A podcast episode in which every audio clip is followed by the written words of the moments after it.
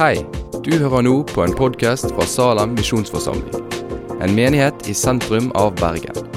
Vil du vite mer om oss eller komme i kontakt med oss, gå inn på salem.no.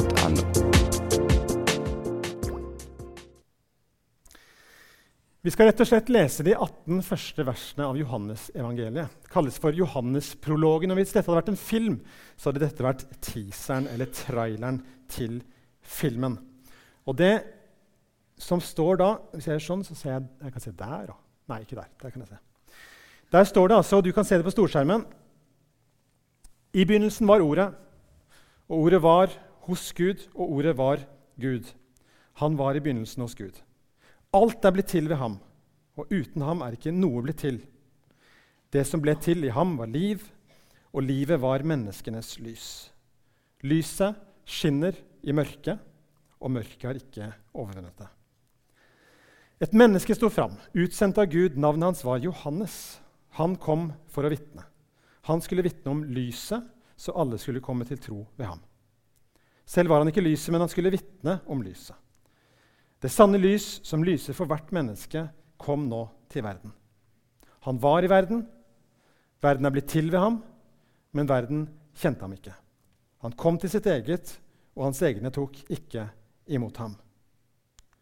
Men alle dem som tok imot ham, dem gav han rett til å bli Guds barn, de som tror på hans navn.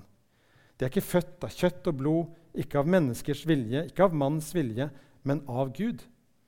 Og Ordet ble menneske og tok bolig iblant oss, og vi så hans herlighet. En herlighet som den en enbåren sønn har fra sin far, full av nåde og sannhet.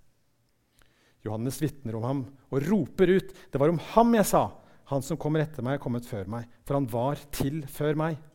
Av hans fylde har vi alle fått nåde over nåde. For loven ble gitt ved Moses, nåden og sannheten kom ved Jesus Kristus. Ingen har noensinne sett Gud, men den enbårne, som er Gud, og som er i fars favn, han har vist oss hvem han er.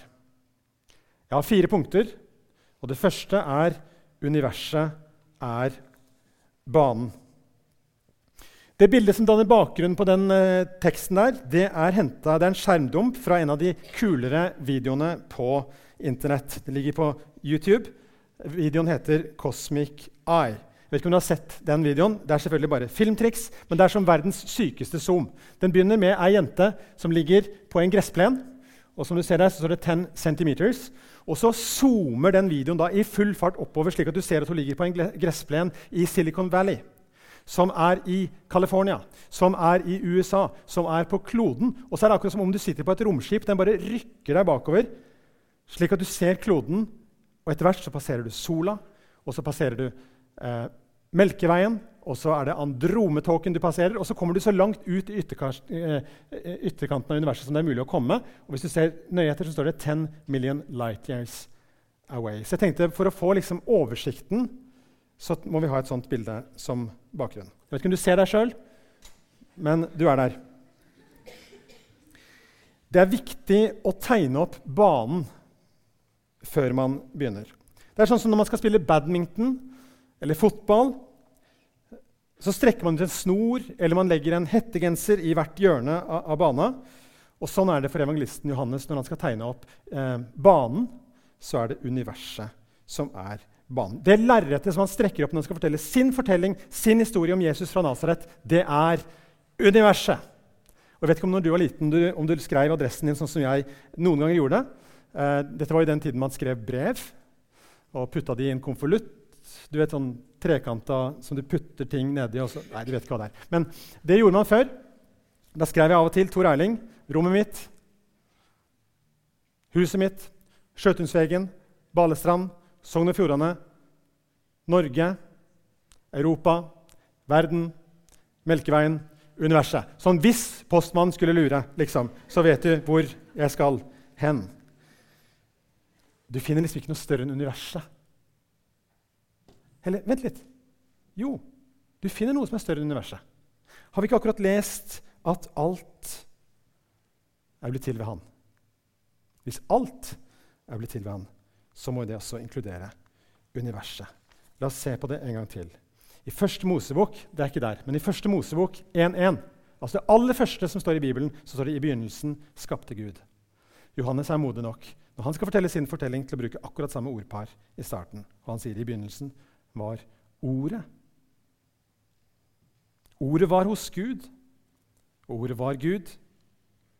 Han var i begynnelsen hos Gud. Alt, og det inkluderer også universet, er blitt til ved ham. Uten ham er ikke noe blitt til. Og nå har jeg faktisk kommet til mitt andre punkt allerede. fordi at Når vi kommer til vers 6 i, dette, i denne teaseren, i denne traileren, i denne 18 vers lange Johannes-prologen, så krasjer en underlig type inn på scenen. og Han heter døperen Johannes. Nå er dette selvfølgelig Hollywood-versjonen vi ser her. Jeg tenker at Virkelighetens Johannes han var ikke så pen. Han, eh, han lukta ikke så godt. Han trivdes best ute i ødemarken, står det. Og maten hans var gresshopper og vill honning. Og jeg kan se for meg han ikke var mors enkleste barn. Men på tross av et litt sånn skremmende ytre ser jeg for meg, så var Johannes en celebrity. Han var kanskje ikke datidens Kim Kardashian, kanskje, men han var like fullt en kjendis av rang. Den største liksom, som hadde framstått på flere hundre år. For det hadde vært ganske dødt i den tiden fra Malaki, siste boka vi har i Det gamle testamentet, 400 år før Kristus, fram til døperen Johannes sto fram. Og da begynte det å bli liv og leven og religiøs vekkelse på gang. Så folk stilte seg i kø for å bli døpt av Johannes.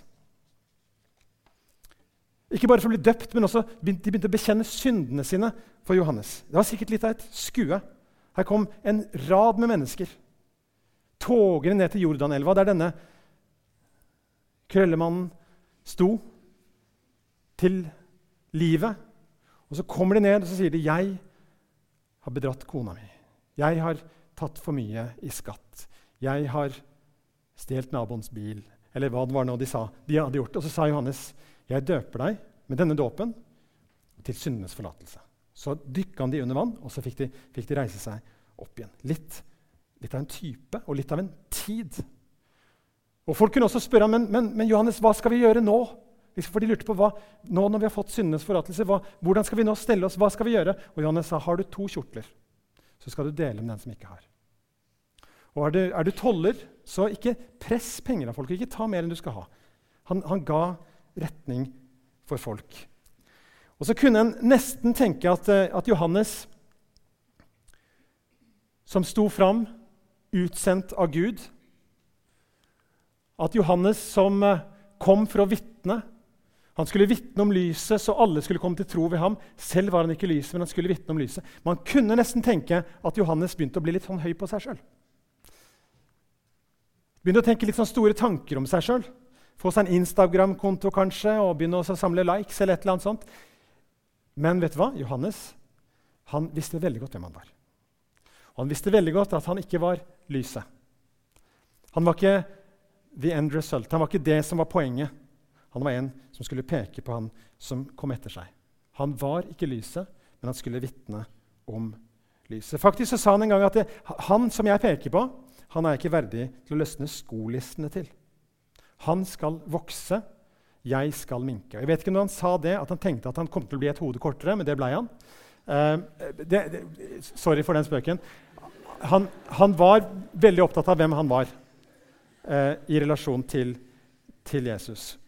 Um, hvem er denne her som denne religiøse stemningen, denne, denne på en måte settingen der ved Jordanelva, hvor folk begynner å tenke alvorlig om sin egoisme, alvorlig om sin om sin svindel og ting som de på en måte har, har kunnet holdt skjult. Nå var det et eller annet som rørte seg. Hva er det som ligger i løypa? Du har kanskje gjetta det. Jeg har kommet til punkt tre allerede, og det er Jesus kommer på banen.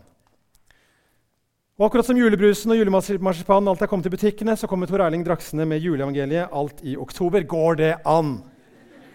Ja da, det går an. Altså, Johannes han krasjlanda på en måte inn i teksten. For teksten er så stor og opphøyd. Det snakker om ordet, og snakker om universet og snakker om skapelsen. Og så kommer dumpende inn han med krøllene. Jesus, derimot, han passer inn i den teksten. Han passer inn i dette storslagne, for han er Ordet. Og så står det i vers 14 at ordet ble menneske og tok bolig iblant oss, og vi så hans herlighet. Det er helt vanvittig. I de første versene i Johannes-evangeliet så hører vi at ordet var hos Gud, og at ordet var Gud, og at alt er blitt til ved ham. I vers 14 så, vi, så hører vi at ordet ble menneske. Wow! Håper du kan la deg sjokkere litt av det. Gud fra evighet, ikke Faderen, men Sønnen, blir menneske. Og vi så hans herlighet, sier Johannes. Dette her er ikke eventyr. Selv om disse 18 versene høres ut som sånn opphøyd poesi, så er det ikke eventyr. Og Johannes sier, 'Vi så hans herlighet'. Vi så han. I et brev som han har skrevet seinere, som vi har bakerst i Bibelen, så sier han, 'Det som våre øyne så på, det som våre hender tok på', det er det vi vitner om for dere. For det er ikke bare døperen som vitner, men Johannes, evangelisten som har skrevet denne teksten, han vitner også. Han peker på Jesus, og så sier han, 'Vi så hans herlighet'. Og når disse 18 versene er over, så starter Johannes-evangeliet sånn på ordentlig, og så er det normale setninger med unormale hendelser. Men det er en Jesus som opprører, som fornærmer sin mor, som velter pengevekslernes bord, og som gjør mirakler.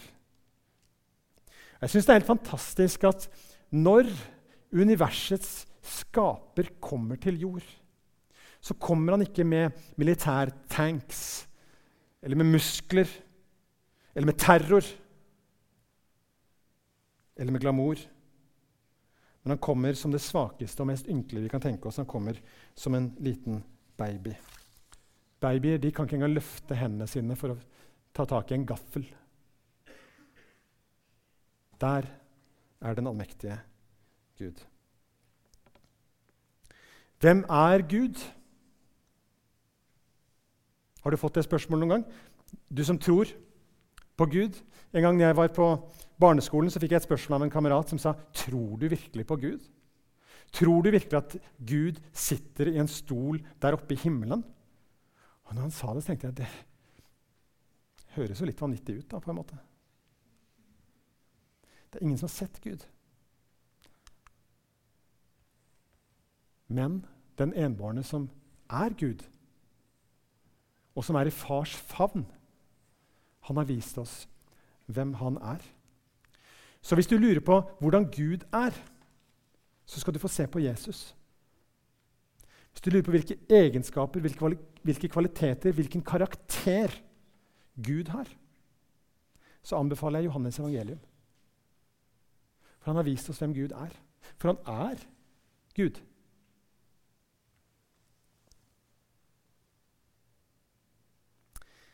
Betyr det noen forskjell da, at Jesus kom? Jeg syns denne her er et av de vakreste begrepene, vakreste sammensetningene av ord i hele Det nye testamentet. Og lyset skinner i mørket. Nå er vi mange her, og jeg kjenner ikke deg. Jeg vet ikke hva som er ditt personlige mørke, noe du kanskje ikke kan dele med noen. Det kan være noe som plager deg, noe som rammer deg, eller har ramma deg. Ditt mørke. Det, det verset der, det står fast. At lyset, det skinner i mørket. Og mørket har ikke overvunnet det. Har du noen gang sett mørket sluke lyset? Det går ikke, det. For når lyset skinner, så må mørket vike. Lyset skinner hvor skinner lyset? Lyset skinner i mørket. Lyset skinner, varmen kommer, dagen kommer. Der hvor det er vanskelig, der hvor det er knuter, der hvor det er umuligheter som du står i. Det er det Jesu komme innebærer for deg. Og så trenger man ikke bare tenke på seg sjøl, man kan tenke på denne verdens mørke det som foregår på kloden akkurat nå. kan tenke på klimakrise, gærne statsledere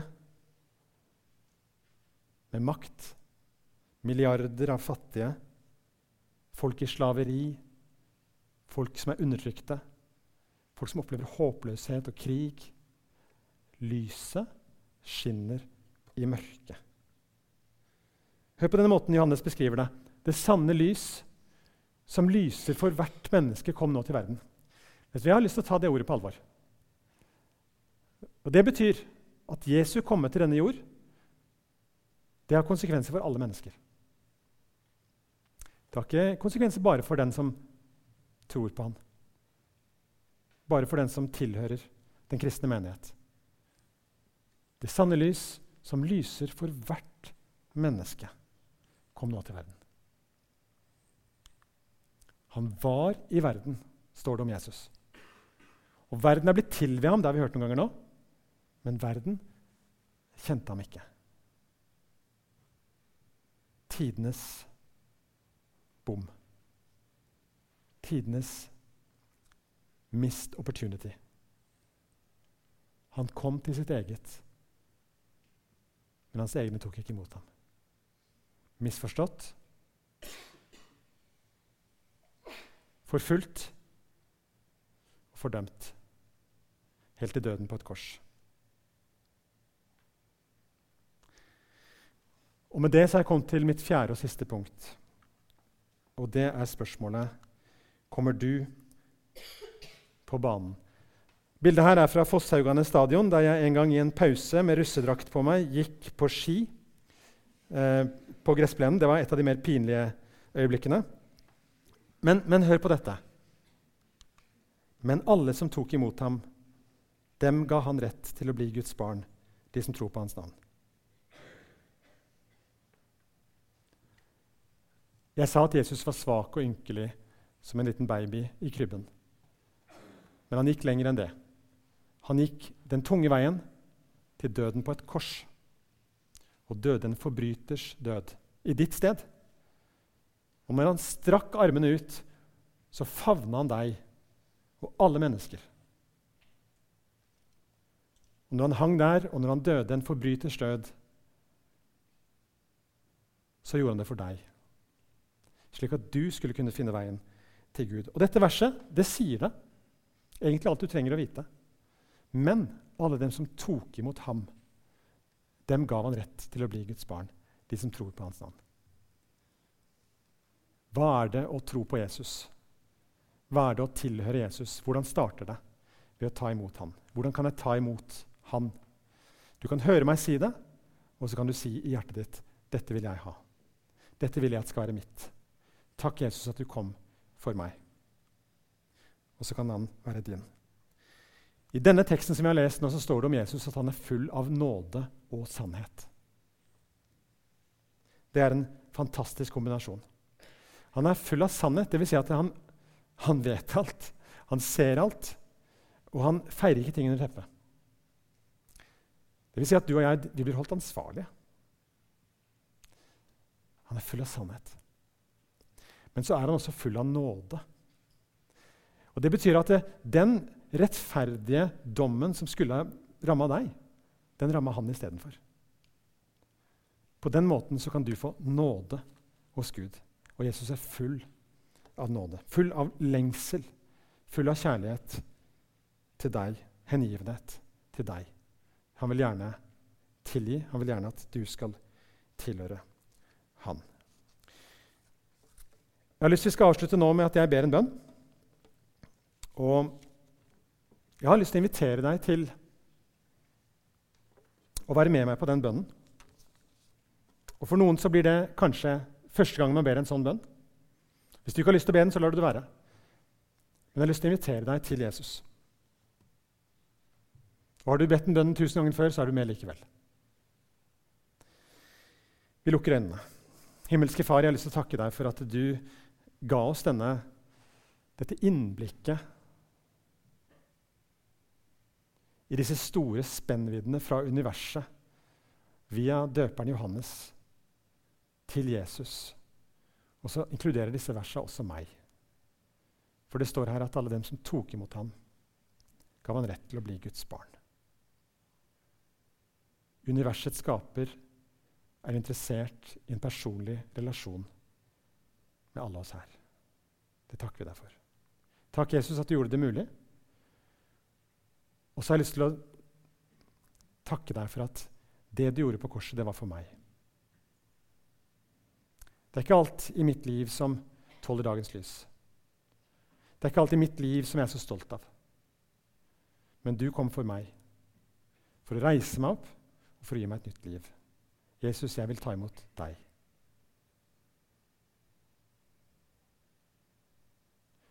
Takk at du gir meg rett til å være Guds barn. Og barn, det er en som er en relasjon til far. En som er elska, en som får lov til å krabbe opp på fanget, en som får lov til å være nær. Takk at det er sant i kraft av det som Jesus har gjort. At jeg kan få være nær deg, Gud. At du vil være nær meg. Og at det er sant om alle her inne.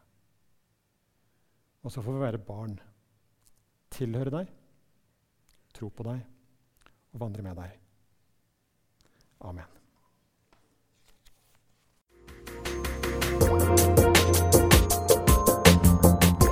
Takk for at du har hørt på podkasten fra Salem, Bergen. I Salem vil vi vokse i et stadig dypere fellesskap med Gud og med hverandre. Vi vil være Jesu hender og føtter, og vi vil være med og forkynne frelse for Bergen og resten av verden. Besøk oss gjerne på salem.no om du vil vite mer.